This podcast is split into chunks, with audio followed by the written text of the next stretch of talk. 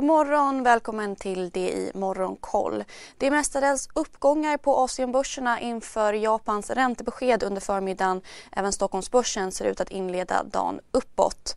Och vi börjar i Sverige där flera tunga rapporter väntas under morgonen.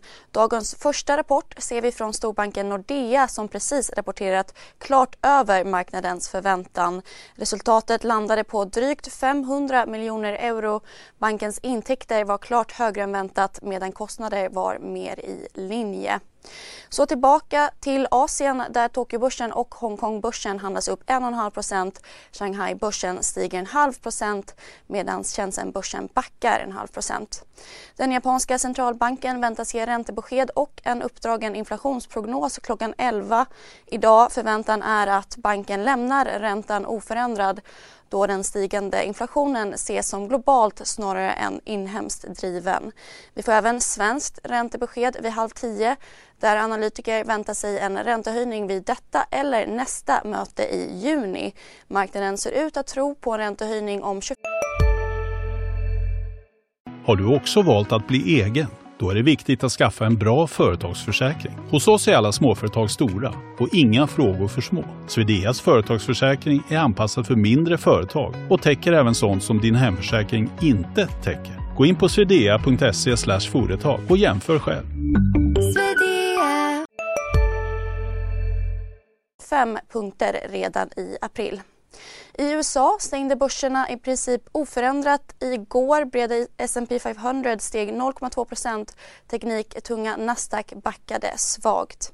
Flera stora bolag rapporterade efter stängning. Facebooks ägarbolag Meta rapporterade över marknadens förväntan. Aktien backade inför stängning men rusade 18,5% i efterhanden.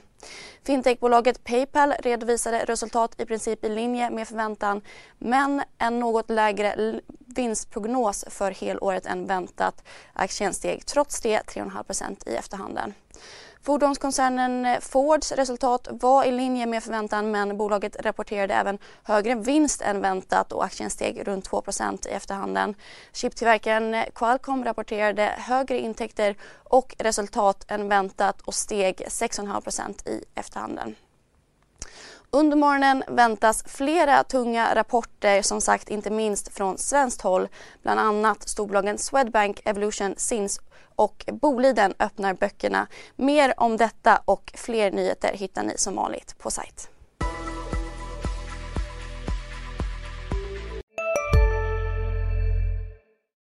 I de sekunderna när jag är i luften så är det en kamp på liv och död.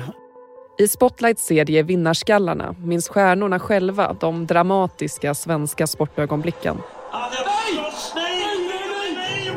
Hör Anja Persson berätta om när hon kraschade i OS-backen men reste sig igen. Jag ville vinna över berget. Vinnarskallarna. Nytt avsnitt varje fredag. Sök efter podden Spotlight. CSRD. Ännu en förkortning som väcker känslor hos företagare.